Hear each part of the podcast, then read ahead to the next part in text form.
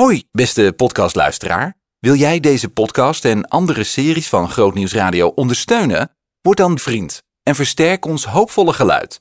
Ga naar grootnieuwsradio.nl slash vriend. Dit is een podcast van Groot Nieuws Radio. In Zonder ons geen nieuwe dag duiken we in het hoofd van Rafael. Zijn vader is verdwenen, zijn moeder is overleden. De meest intieme relatie lijkt hij te hebben met een gewonde duif. Het boek is poëtisch, donker, soms ijskoud, met treffende metaforen. Ik vraag me af, wat is eigenlijk die nieuwe dag? Welke plek heeft God in dit boek? Ik ben benieuwd. We gaan erover praten. Welkom. Vanuit Boekhandel Riemer in Amersfoort is dit Tussen de Kaften. Met Peter Dijkstra. Ja hoor, we zijn weer aanbeland bij de tweede aflevering van deze podcast Tussen de Kaften. Welkom hier weer tussen de kaften van Boekhandel Riemer. Ik zit hier weer met vaste tafelgasten Roeland, Wieger en Tabita. Welkom! Yes. dankjewel. Ook jij. Hey, eh, jullie hebben weer een boek gelezen. En eh, deze maand bespreken wij Zonder ons geen nieuwe dag. Van Lisbeth Goedbloed. En eh, we gaan erover praten. Dat doen we naar aanleiding van drie vragen die hier op tafel liggen. Die we straks gaan eh, omdraaien en voorlezen en daarover gaan praten. Maar er is meer. Eh, Lars Scherven, de zanger van Cela, zal vertellen wat bij hem nu op het nachtkastje ligt. Wat hij aan het lezen is. En Hans Loeven hier van de winkel. Die komt ook even aanschuiven en geeft ons weer wat leuke boekentips. En helemaal aan het einde van de aflevering, zoals eh, ook de vorige keer, een liedje. Nee, ik mag geen liedje zeggen, hè, Wiege? Lied. Een lied. Of een song. Het liedje doet tekort aan jullie Een ambacht. hit. Ik denk dat hit misschien wel best. eh, En misschien komt er wel een tussen de kaften verzamelalbum een keer. Met, eh, nee, het zal leuk zijn. Eh, elke aflevering dus een, eh, een lied. Hey, eh, Tabita. Ja. Ik hoor heel vaak mensen die zeggen, joh, lezen, daar heb ik echt niet zo heel veel tijd voor. Eh, Nee. Kun jij wat tips geven aan die luisteraar die zich eh, herkent in die vraag? Eh, ja, vakantiedagen opnemen. Eh, ja, nee, ik heb. eh, het was even. De vorige keer dat ik je sprak, had ik het echt helemaal voor elkaar. Had ik eh, tijd om te lezen, maar nu weer veel minder. Ehm, maar ik heb de luisterboeken eigenlijk ontdekt. En dat is super fijn. En die kan je ook nog versneld afspelen. Ja, Dat zou ik trouwens bij het boek wat we nu gaan, dat we nu gaan bespreken, niet aan. Ja, nee, hij is Neerla- Neerlandicus. En ik Ja, weet dat ik het verkeerd Er wordt zei. naar mij gewezen. Ja, dus ik dacht voordat hij boos. mij feedback Ja, maar wil ik even iets op zal ik tafel het zelf hebben. zeggen? Eerst zeg jij tegen mij eh, Ja? tijdens de koffie, ja, ik haal dit, het, dat en die en zo voor door elkaar. Ja? Vind je het erg? Oh, ik "Nou, kan en mij die?" niet schelen, maak Ja. het uit. En nu lijkt het net alsof ik hier als een soort eh leraar. politie Nee, tafel ik zit. wees ook naar jou zo van, kijk, zie je, hier ga ik. Ja, dan maar wijs als jij, je Roeland, weer. als jij Ja, nu wijs ik weer. Ik zal niet meer wijzen. als jij op dat Luisteraars wat, zien dat eh, niet, hè, dat Als jij op dat wat let, let ik op als dan. Ja, Nee, maar die heb ik sowieso, die heb ik goed. dat dat, kun je. dat hoef Nee, je is bij mij goed. niet te Ja. doen. Nou, Maar mooi. goed, wat Maar- wilde je precies Bij dit boek maken? zou ik het niet gaan luisteren, al helemaal niet versneld. Heb want je het dan, geprobeerd? Nee, ik weet ook niet of die eigenlijk in luisterboek beschikbaar is. Jazeker. Ja? maar het is best wel poëtisch. Dus je moet ook Ja, de taal de zon, even... als je daar zo... Ja, als je dat op keer twee gaat, eh, dan mis je de schoonheid die erin zit. Ja. Nou, dat zeg ik al dat de schoonheid in zit, maar dat ben ik benieuwd wat jullie daarvan vinden. Eh Roeland, hoe is het? Goed. Lekker. Ik zit lekker met jullie aan tafel in een mooie boekhandel. Ja. Kopje koffie. Lekker. Perfect. Ja. Mooie dingen. Eh, even gewoon algemene vragen. Als jij eh, aan boeken, als sta je, voor, je staat voor je boekenkast, wat staat daar voornamelijk? Vooral fictie, een bepaalde type boek wat jij eh, graag leest. Ik doe dus best wel veel boeken weg. Eh, ik hou alleen de boeken die ik nog een keer wil lezen. En dat is dan Chalef vooral. Oh ja. Ja, die schrijft zo mooi dat ook als je het verhaal al kent, kun je dat echt nog meerdere malen beleven. ja, dat is een van de weinige boeken die jij nogmaals of gewoon herleest. Zeg maar. Ja, en Lord of the Rings ook. Zo'n beetje één keer in het jaar. Die lezen mijn vrouw en ik altijd aan elkaar voor. Ook een vast moment in het jaar. Elke keer Ja, met kerst ga ik Ik zou weer- me eigenlijk liefst iedere drie kwart jaar starten met lezen. Maar mijn vrouw zegt nou, iets, iets wachten nog. En, en ook Silmarillion dan? Dat hebben we, ehm, hebben we ge- geprobeerd, maar dat, is- dat is toch te versnipperd daarvoor, voor voorlezen. Dat is bijna, bijna alsof je de kronieken uit de Bijbel aan het lezen bent of zo. Ja. Dat doe je ook niet. Voelt, voelt als voorleesverhaal echt minder. Het is, het is eh, vooral het begin, ja. Ja. Maar het is ook wel heel mooi. Ben jij ook een eh, wieger, een Lord of the Rings eh, fan? Eh, ja, ja, of Tolkien-fan als je het iets breder wilt trekken Ja, dan ja. alleen eh, Lord of the Rings. Ja, zeker. Ik doe nu een eh Silmarillion read-along. Dus dat is op Instagram met een groep gasten die dan tegelijkertijd Silmarillion leest en daar dan bijbelstudie naar doet. Dat is echt Oh. fenomenaal. Oké. Hey, en eh, het idee voor dit boek, Wieger, kwam bij jou vandaan, van Lisbeth Goedbloed, die hier voor ons ligt. Ik had het gesuggereerd om het te bespreken, ja. Waarom? Nou, ik was er wel heel, heel benieuwd naar. Eigenlijk, ehm, dat geldt op zich wel voor meer boeken. Maar eh, wat ik wel leuk vind aan, aan eh Lisbeth Goedbloed... is dat zij nou, wel duidelijk weet wat het is om, eh, om christen te zijn. Ehm, wat voor, eh, voor ons geldt. eh, voor, voor ons natuurlijk ook geldt. Ehm, maar het boek zelf, het is, het, is, eh, ja, het is wel echt literatuur en niet, ehm, ja, niet heel strikt christelijke literatuur. Dus ik was wel heel benieuwd naar nou, hoe die dingen dan eh, samen zouden komen daarin en eh, hoe zij Ja, dat ja, zou ja. aanvliegen. Ja, en je hebt een linkje met haar, Roeland en Wieger, via Psalmen voor Nu. Of Schrijvers voor Gerechtigheid weet ik ook dat zij heeft meege... Ja, ja. klopt, ja. Hoe, hoe ja, ligt dus dat, met uh, Roeland? liederen schrijven.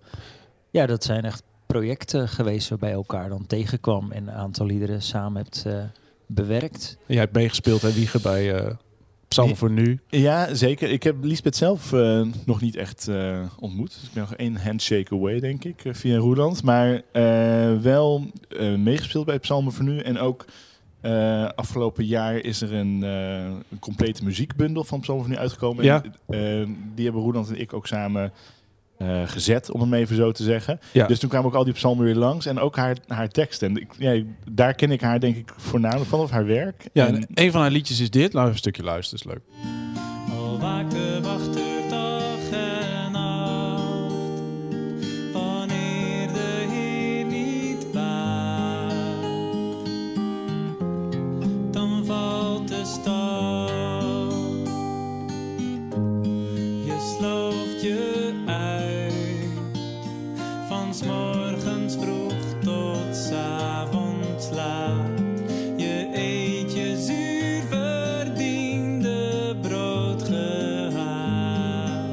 Dit vind ik mooi, wat nu komt.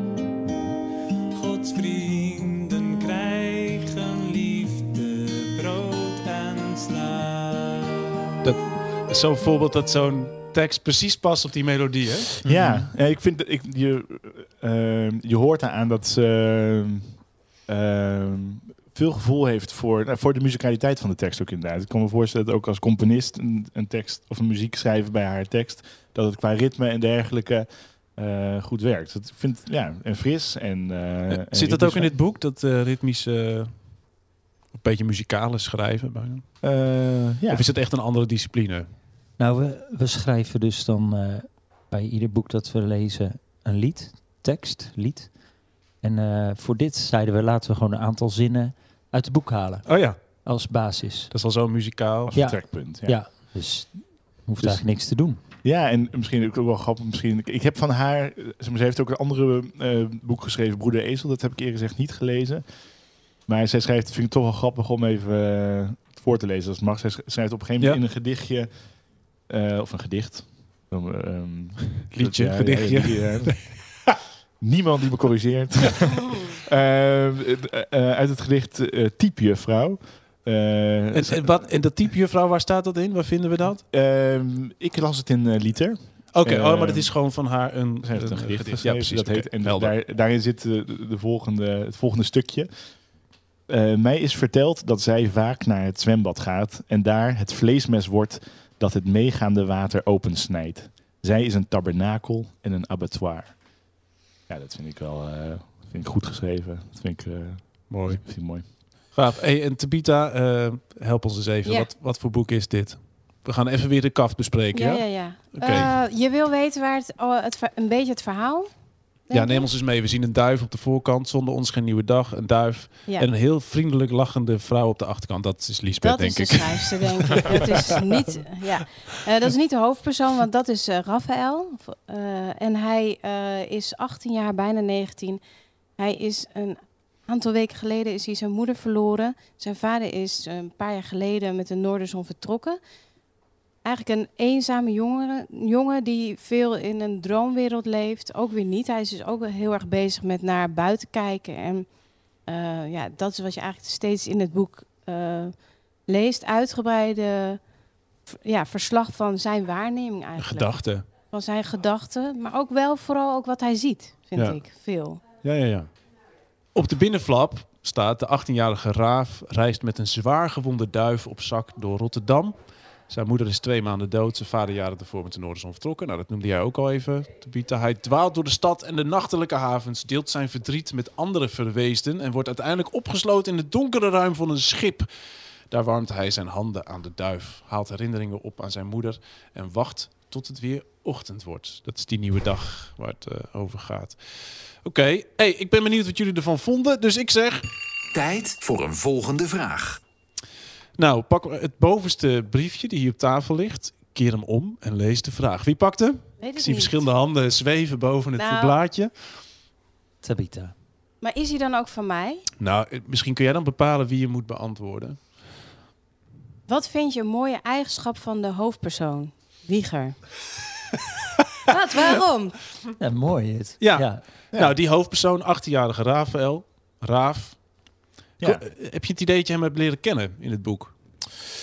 Ehm, nou, ik heb wel het idee dat ik heb leren kennen hoe hij naar de wereld kijkt en hoe hij de wereld beleeft. Hoe zou je dat willen duiden? Hoe kijkt hij naar de wereld? Ehm, hij ehm, kijkt naar de wereld op een, ehm, op een manier die eigenlijk altijd een soort hyperbetekenis geeft. Eh, dus alles wat hij om zich heen eh, ziet en ervaart zijn metaforen eigenlijk. Ehm, en ja, zo, zo is zijn wereld. En dat voelt wel... Heb je daar een eh, voorbeeld van?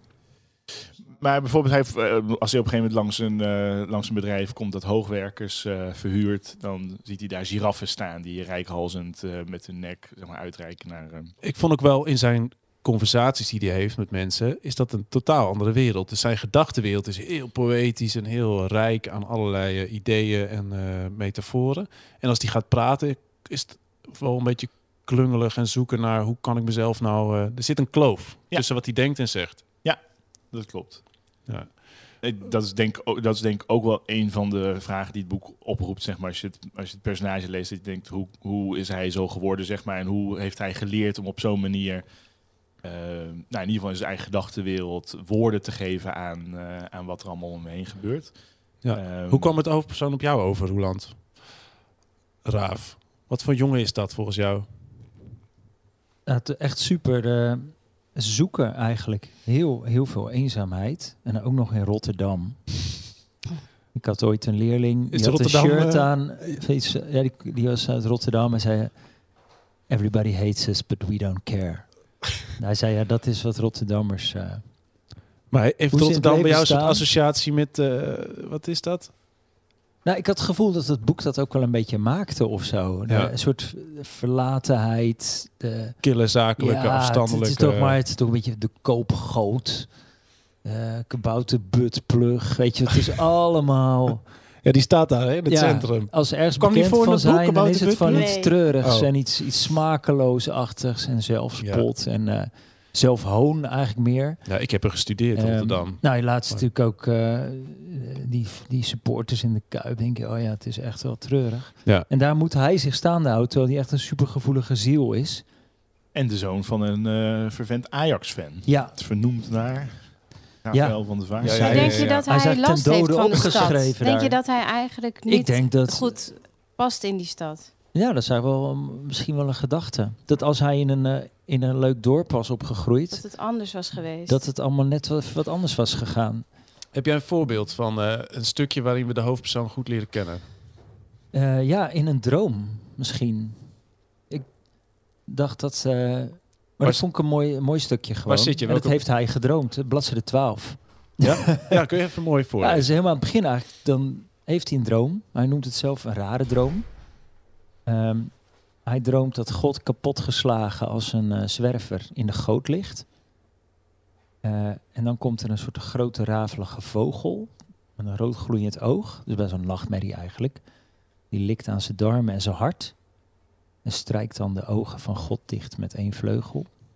En dan zegt hij, ik werd bang toen ik dat zag en deed meteen de zon aan. Ik plakte witte wolken tegen de blauwe lucht, plantte bomen in de grond en hing bladeren aan de takken. Ik riep de vogels en liet het waaien. Ik riep het water terug, liet de haven volstromen met glanzend water en legde de boot in het water neer. De wind liet het water tegen de boegen klotsen. De wind zong en huilde. De wind blies vogels door de lucht. Er stonden weer huizen aan de straten. En in de middenberm bogen narcissen naar de grond. Nou, eigenlijk maakt hij, herschept hij de wereld misschien Ja. eigenlijk wel meer een Fries dorp wat hij maakt dan Rotterdam. Ja, ja. Dus dat vond ik een eh, eh, mooi stukje het voor als een gedicht. Het is eigenlijk een gedicht, ja. Ja, hey, en Wieger, jij bent de psycholoog. Hoe lees jij zo'n boek dan? Denk je, dit is echt, eh, ik kan meteen naar een label op plakken wat, wat er aan de hand is? Met zo'n jongen? Want het is wel een gedeukt iemand. Het is zeker gedeukt iemand. En het is natuurlijk tegenwoordig eh, een soort nationale hobby om mensen van afstand eh, te diagnosticeren. Nou, ik dacht in ieder geval... Kijk, laat ik zo zeggen, de geestelijke gezondheidszorg komt er niet super warm vanaf in, in Nee. dit boek. Hij wordt eigenlijk natuurlijk gewoon niet geholpen, of in ieder geval niet, niet goed geholpen. Ja, is ongemakkelijk bijna. Je ziet hem denken en leven en je denkt, oh, die heeft echt hulp nodig of een knuffel of dat. Maar Ja. niemand in zijn omgeving lijkt hem te kunnen geven hij nodig Nee, heeft. nou, zijn, zijn therapeut dan. ja. Saba, waar die dan, eh, dat is echt de liefste mens die hij ooit heeft, eh, heeft gekend. Ja. Eh, maar die is ook al vrij snel van, oh ik ben zwanger, dus ik ga op verlof, dus Ja. succes en dit is mijn vervanger, you. Eh, wat hem natuurlijk ook behoorlijk laat, eh, laat bungelen meteen. Dus, dat is een, eh, dus dat, dat, die verliest hij eigenlijk al vrij snel, snel in het begin. Ook. Dus dat, is wel, ja, dat onderstreept ook wel die eenzaamheid van, die, die Roeland ook al noemde. Ja, Ja. Ook, ook de manier waarop voor hem gezorgd wordt is, is wel heel eenzaam. Hm. Nou ja, goed, kijk, als je iets... Er wordt af en toe wel wat gehint op nou ja, wat er psychologisch of psychiatrisch met hem aan de hand zou kunnen zijn. En wat Roland net ook voorlas, is... Ja, dat doet denken aan een soort psychotische eh, episode die die, die die doormaakt. Maar het is wel een gedeukt iemand. En ik vraag me wel af, wat, wat heeft hij nou en wat is nou die nieuwe dag? Eh, en daar kunnen we misschien straks nog wel even verder over praten. We gaan eerst even kijken wat Lars Scherven op zijn nachtkastje heeft liggen. Nu op het nachtkastje. Ik ben Lars Scherven en op mijn nachtkastje ligt eigenlijk altijd wel een boek. Ook nu.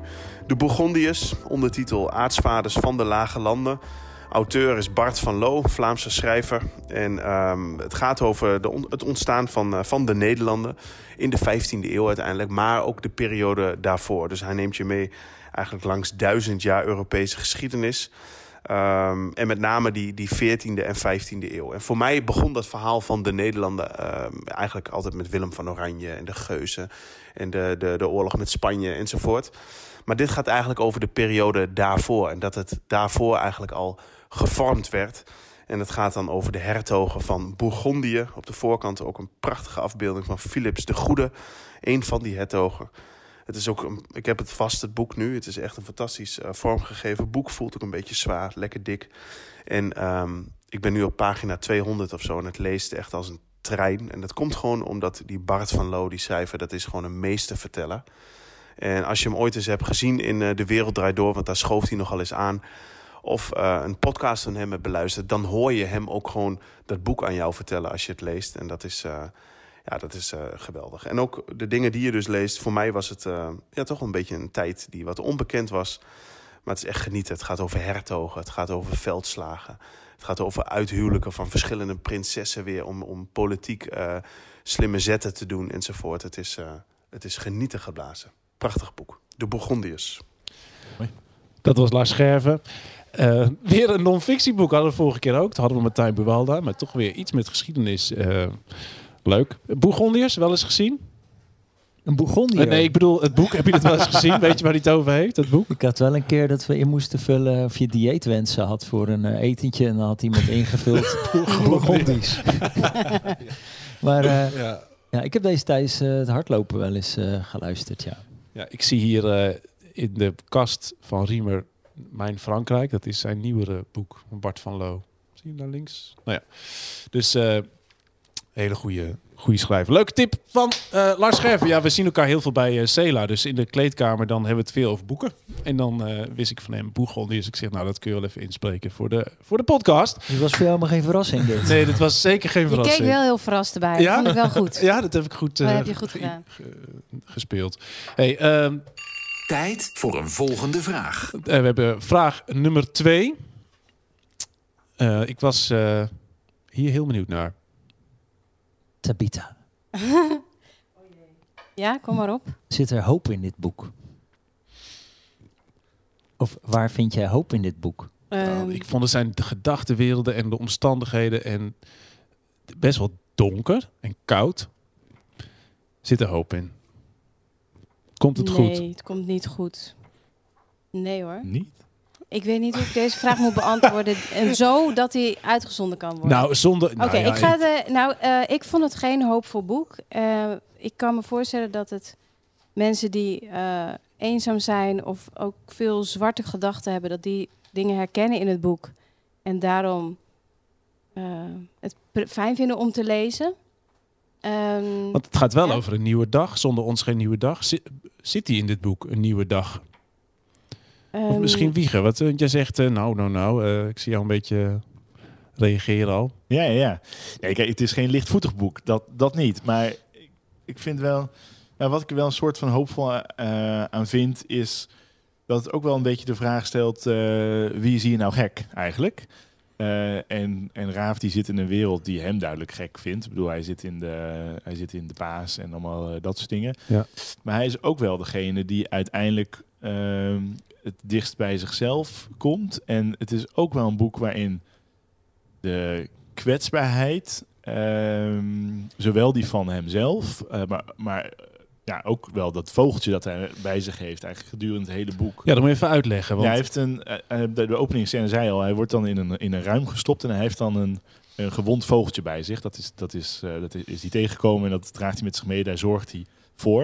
En eigenlijk is het boek, hij vertelt eigenlijk zijn verhaal aan dat vogeltje, een soort van. Ja. Ehm, en dat vogeltje is, ja, heeft een gebro- gebroken vleugeltje. Ehm, en ehm, die gaat hij verbinden. die gaat hij verbinden. Hij heeft Hij ook iets ongemakkelijks, toch? Dat je denkt, dat vogeltje, die, die wilde ook uit. Maar nee, hij gaat het verbinden en eh, heeft ook iets Ja. die onvriendelijks. Ja, het is, het is aan de ene kant heel, het is aan de ene kant heel lief, maar het wordt op een gegeven moment ook wel een beetje verstikkend voor dat vogeltje, inderdaad. Ja.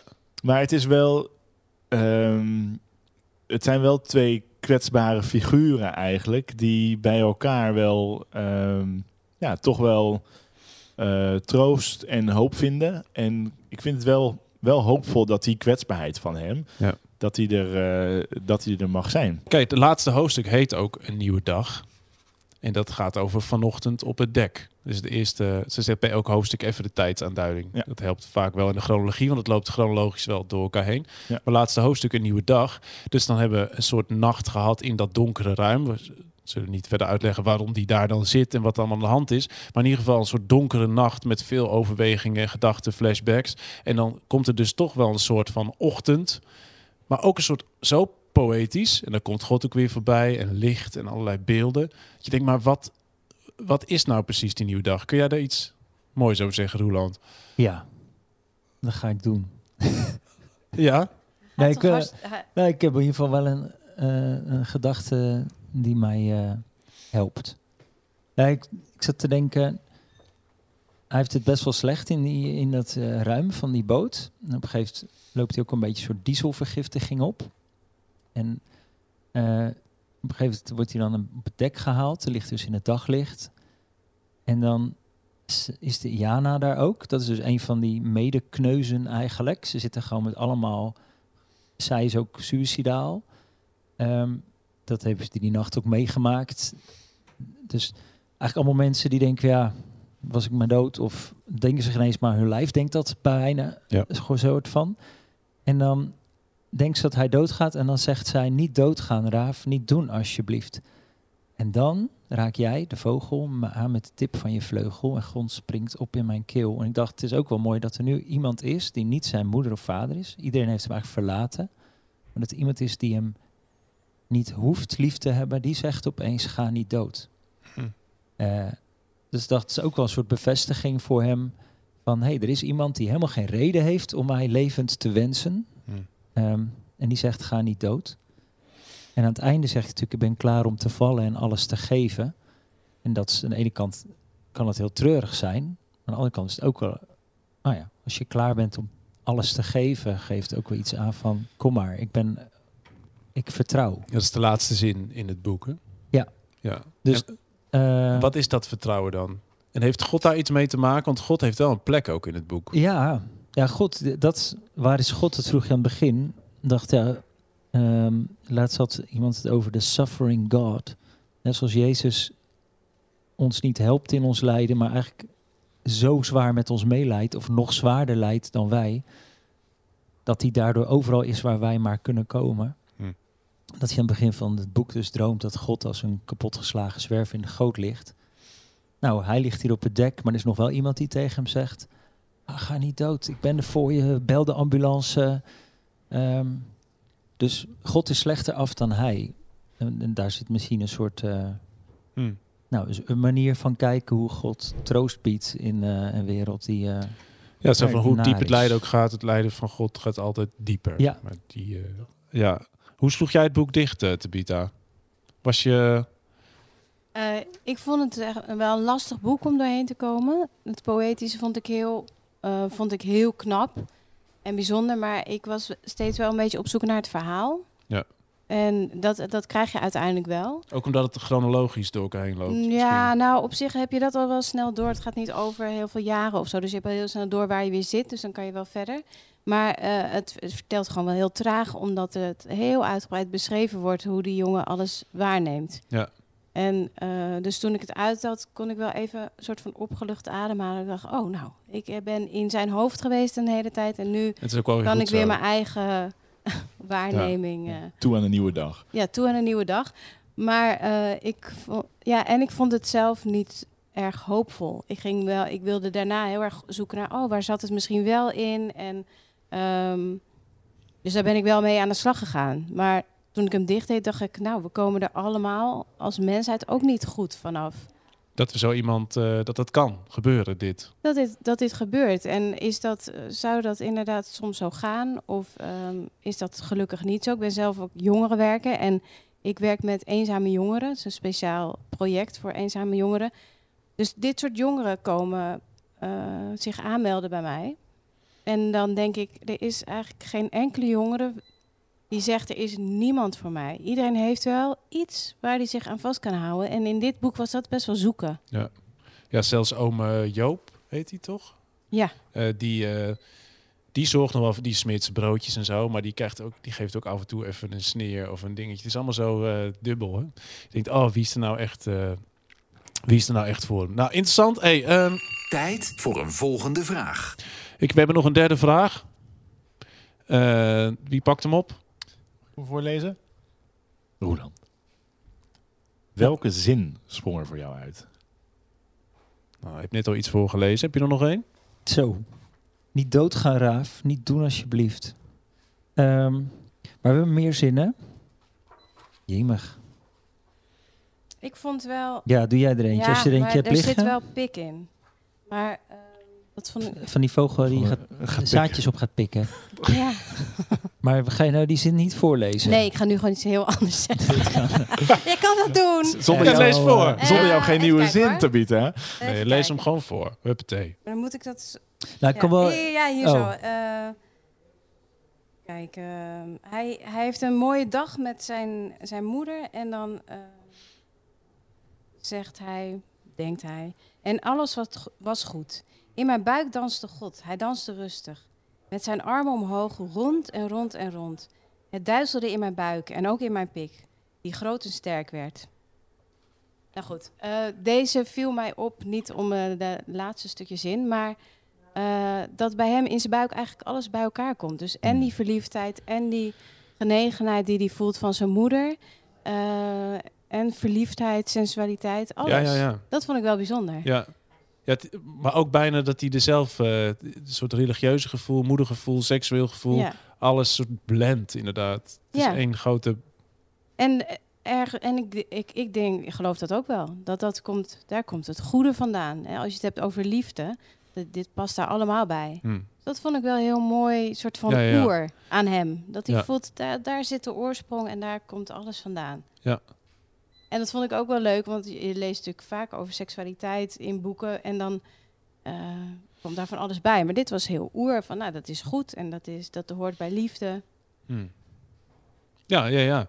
Het, het- dat hoor je wel eens van mensen zeggen. Ja, sommige boeken, er zit zoveel seks in, dat lees ik liever niet. Ik zeg, ja, mijn eerste vraag is dan meestal, maar begrijp je ook waarom het erin zit? En hier Mhm. heeft het wel een soort functie, want je ziet zijn eigen omgang met zijn lijf en met zijn gevoel en met zijn eigen seksualiteit, zijn verlangen naar dat andere meisje en die afstand die hij dan ook voelt. Ehm, Ja, en die puurheid ervan. En dat dat dus heel erg dicht li- ligt bij goedheid en bij God en bij... ja. Ja, ja, dat het juist heel dicht bij elkaar ligt. Ja. Heb jij nog een mooie zin, Roeland?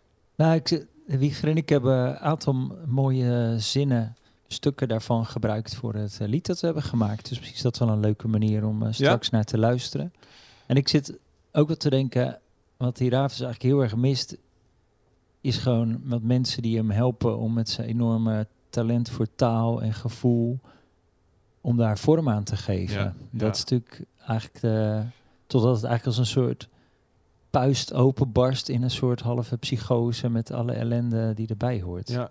ja, je ziet een soort schat aan ideeën en taal, Ja, maar die komt er gewoon niet uit. nee. En dat is natuurlijk wel... eh zijn geen goede opvoeders of zo in de buurt. Nee, die- zo'n oom en die moeder die eh, pakken dat ook niet op.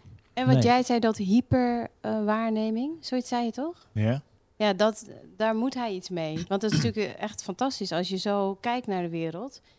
En ik dacht, dat is, hij leeft ook heel erg in het nu door zo te kijken. Wat zie ik nu Ja. en wat we, en dat is al heel veel. Ja. Dat vond ik wel mooi. Ja, dus dat, dat daar moet een, hij iets mee. Dat, dat zijn moeder de alle rust had gehad om hem mee te nemen naar een museum of zo, om eens wat kunst te kijken. Dat, dat heeft hij allemaal nog niet gehad. Ja, dus ja. Wel Ja. Een hoofdpersoon met heel veel potentie. Jammer dat, we, dat hij niet bij ons kon opgroeien. Eindigt in het ruim. Ja. Veel over te zeggen. Jongens, we gaan door, want we vragen even Hans om aan te schrijven bij, bij ons, want het is tijd voor... De Raad van Riemer. Ja, elke aflevering schuift Hans Loeven bij ons aan. Hij is toch wel de veellezer van eh Riemer, kun je wel zeggen. Drie, vier boeken in de week, hè? Begreep ik. Ja, ja, ja. En eh, de- elke keer geeft hij weer twee tips. Ik zeg, je mag er twee. Dat Ja, is, dat is max. Ja, 20 kan ook hoor. ja, 20 kan ook. Ja, dan zitten we hier eh, over een half uur nog. En is het voor de luisteraar ook overzichtelijk. Welke twee boeken heb je vandaag eh, meegenomen? Ik heb Hotel Goldberg, daar wil ik mee beginnen. Dat is van Eva Maria Wagner, een Nederlandse auteur. Zij is eh, concertpianist en zij verwerkt haar eh, kennis en eh, pianospel en haar know-how van klassieke muziek in haar boeken. Ook in dit boek. Goldberg verwijst natuurlijk naar de Goldberg-variatie van Bach. De hoofdpersoon is een pianiste die. eh het gaat niet zo goed, ze heeft met name geldproblemen. En ze krijgt op een gegeven moment een hele grote erfenis. En ze erft zelfs een hotel. Maar daar, eh, dat is eigenlijk bloedgeld van de Tweede Wereldoorlog. Daar komen ze in de loop van het boek achter. Dus dan heeft ze een dilemma. Ja, doe ik het goede met slecht geld. En daar eh, moet je het boek voor lezen om Heel het antwoord te hebben. En Ja, dus ook erg voor liefhebbers die, van klassieke muziek. Of Ja. mensen die helemaal niet zoveel verstand hebben van Klopt, klassieke ja. muziek. Ik, ik ben niet zo'n hele eh, klassieke fan, zeg maar, dat ik er veel van af weet. Maar ik vond het heel mooi om te lezen. Ze verwerkt het echt heel op een laagdrempelige manier erin. Mooi. Dus heel knap gedaan. Nou, ja. Dit ziet er weer heel anders uit wat er nu ligt. Openbaring. Ja, dat is van Jeroen Windmeijer. Die heeft heel veel geschreven eh, over eh, ja, zeg maar bijbelse thematiek. Eh, het Eva-complex, de, het Paulus-labyrint. Allemaal wat bijbelse refer- referenties. Ja. En dat is de openbaring ook. Het gaat over een vondst in, in het land Israël. Daar vinden ze een hele oude kerkgrot. En daar eh, vinden ze tekens en dat gaan ze allemaal vertalen. En het blijkt dat het woord eh, Babylon in openbaring... dat het eigenlijk niets meer betekent dan Jeruzalem. Ja. Dus dat betekent dat er helemaal geen Babylon komt... maar dat Jeruzalem gewoon in het jaar 70 vervallen is. En er is een ander verhaallijn, dat is een, eh, een secteleider... Die, die heeft een hele rigide eindtijdtheorie. En dat strookt natuurlijk niet met deze vondst. Nee. Dus die twee partijen die zie je tegen elkaar strijden Ah. in het boek. Klinkt een beetje als. Da Vinci Code. Nou, daar lijkt het wel op. Z- Zit een beetje in die hoek. Ja. Ja, ja, het is bijna een thrillerachtige eh, beschrijving, Ja, maar en- heel mooi gedaan. En fictie. Ja, het is wel fictie. Je moet het echt ook lezen als fictie. Ja. Want als je dit gaat lezen als... eh, Van ze hebben het is wetenschappelijk niet... eh, nee, nee, het is geen eh, bijbelgetrouwe. eh.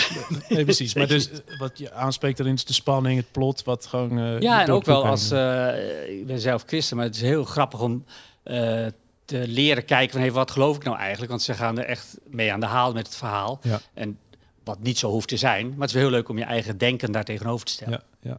Leuk. Ja. Nou, weer hebben we weer genoeg om mee aan de gang te gaan. Dat was... De Raad van Riemer. Ja, Hans is weer terug naar de balie hier bij Riemer om weer mensen te helpen. Hey, eh, we moeten richting eh, onze kachel. Oh, zitten we daar al? Maar eh, Oeh, eh, ja, ik krijg, daarvoor wel, altijd nog... ik krijg wel behoefte aan warmte van dit boek. Dat, eh, het is allemaal zo koud en zo kil. En het is een kachel. Ja, op een gegeven moment gaat hij zwemmen en eh, helemaal rood en vreselijk koud kruipt hij uit het water. Het is een keer bijna misgegaan ook, toch? Eh, dat hij, eh, Ja, zo, zo, zo komt het. ja. Nog een paar opmerkingen over dit boek. We hadden net eh, een discussie over, is het einde, is het nou...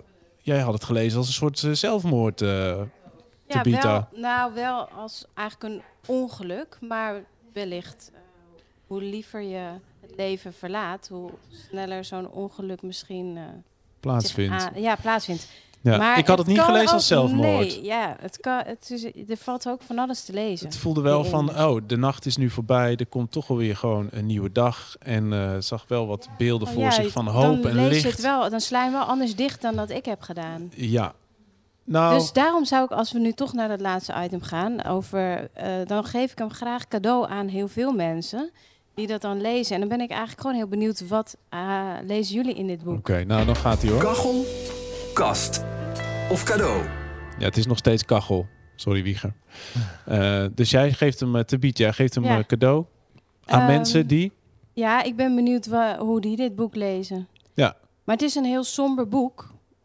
Dus mensen die eh, daar gevoelig voor zijn, ja, wellicht herkennen zij zich erin en vinden het juist prettig om te lezen. Dus eh, Ja.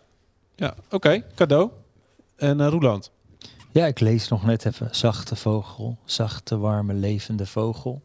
Dus de hoofdpersoon heeft het inderdaad koud, maar herkent ook wel warmte en zachtheid en leven en licht. Dus eh, Op bladzijde ik geef 107. het En wel aan iemand cadeau en dat, schoonheid. dat, ja. dat, dat wel. Dat zit er wel in, schoonheid en de eh, liefde voor beweging en natuur. Eh, Roeland, waar zit voor jou de waarde in van dit boek? Waar vind jij iets van waarde? Nou, het is denk ik wel waardevol om een keer eh, mee te gaan in zo'n eh, chaotisch, duister eh denkwereldsysteem. Om dan meer begrip te hebben voor Ja. mensen die daar zitten? Mijn dochter las het ook. Ze zei ja, ik lees those kleine stukjes, want ik vind het. Hij maakt zoveel mee in zijn hoofd dat het niet netjes zou zijn om daar heel snel doorheen te gaan. Oh ja. Bijna respectloos. Ja, dat, eh, zo noemde zij het. Ja. Ja. ja, En jij, Wieger? Welke waarde heb jij gevonden in dit boek? Welke waarde ik heb Of welke gevonden? rijkdom? Oeh. Ehm, Of gooi het liever in de kachel?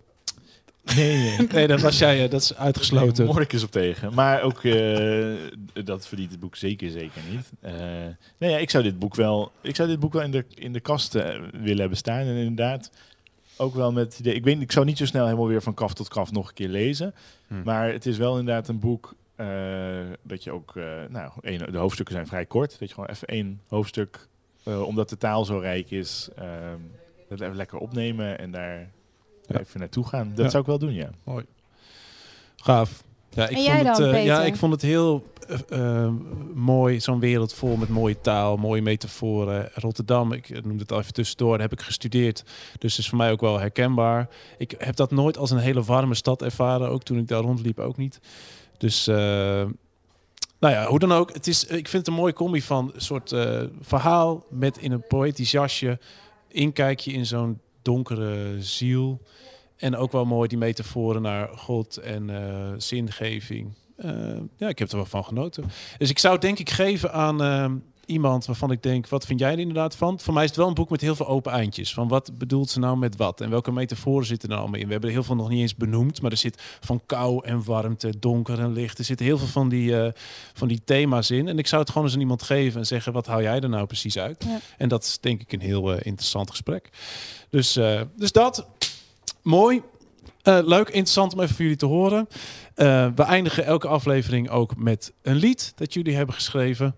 Wil je dat nog inleiden? Of gaan we gewoon luisteren? Nou, misschien om bij te zeggen, we hebben dus heel veel, eh, of heel veel aantal zinnen uit het boek gebruikt. En van daaruit zijn wij verder gaan dichten. Ja. Ehm, en we hebben Mirte Smit, dat is dan toevallig mijn dochter, gevraagd om er een melodie bij te maken. Want ik wist dat ze het ook een Ja. mooi boek vond. En zij heeft het eerdere boek van Lisbeth ook gelezen, Broeder Ezel. En dat is een van haar lievelingsboeken. Ja. Dus zij vond dat wel mooi om te doen. Dus daar gaan we nu eh, naar Mooi. luisteren. We gaan naar luisteren.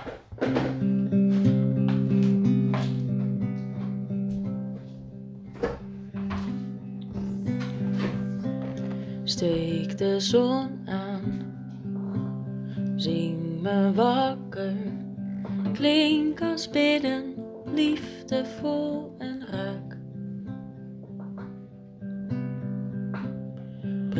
Het water, tem de golven, zink als druppels in de oceaan. Een duif vliegt naar de hemel en wij kijken van beneden. Daar gaat de witte vlag zonder ons, zonder ons. Geen nieuwe dag.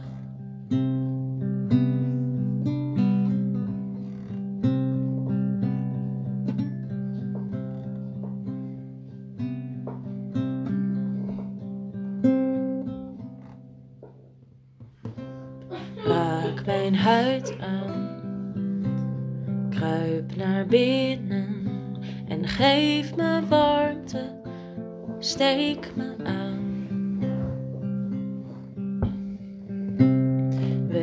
Wees het plaatje bij de raadsels en laat de onrust overgaan. Een duif vliegt naar de hemel en wij kijken van beneden. Daar gaat de witte vlag. Daar gaat de witte. Zonder ons, zonder ons, geen nieuwe dag.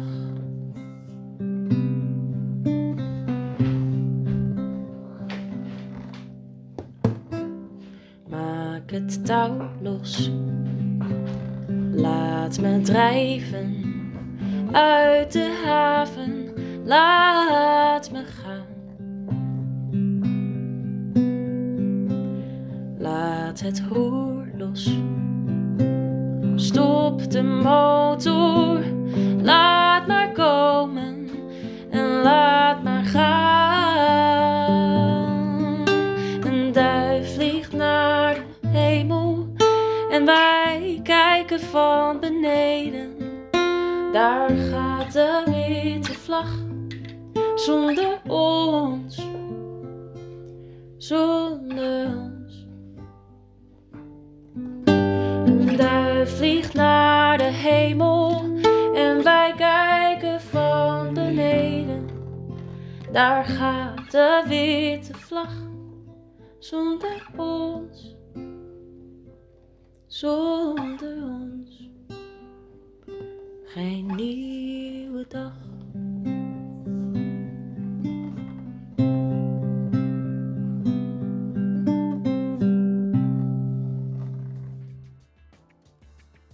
Ja, dit was aflevering 2 van de podcast Tussen de Kaften. Bedankt dat jullie weer tafelgast wilden zijn, alle drie. En jullie natuurlijk bedankt voor het luisteren. Alle boeken die we hebben besproken staan in de omschrijving bij deze podcast en zijn te bestellen via boekhandelriemer.nl. Vind je deze podcast leuk? Abonneer je dan en geef ons wat sterretjes en een recensie. Vinden we leuk om te lezen. In de volgende aflevering gaan we een boek lezen van Richard Ozinga. Munt heet dat. Lekker korte titel. Dus lees met ons mee. Schuif ook de volgende keer weer aan voor een nieuw gesprek, nieuwe tips en natuurlijk een nieuw liedje. Hopelijk tot dan hier aan tafel tussen de kaften. Doei! Hoi! Zien in nog een podcast? Ga naar grootnieuwsradio.nl slash podcast. Toen kwam er een olifant met een dikke snuit en die blies het verhaaltje uit.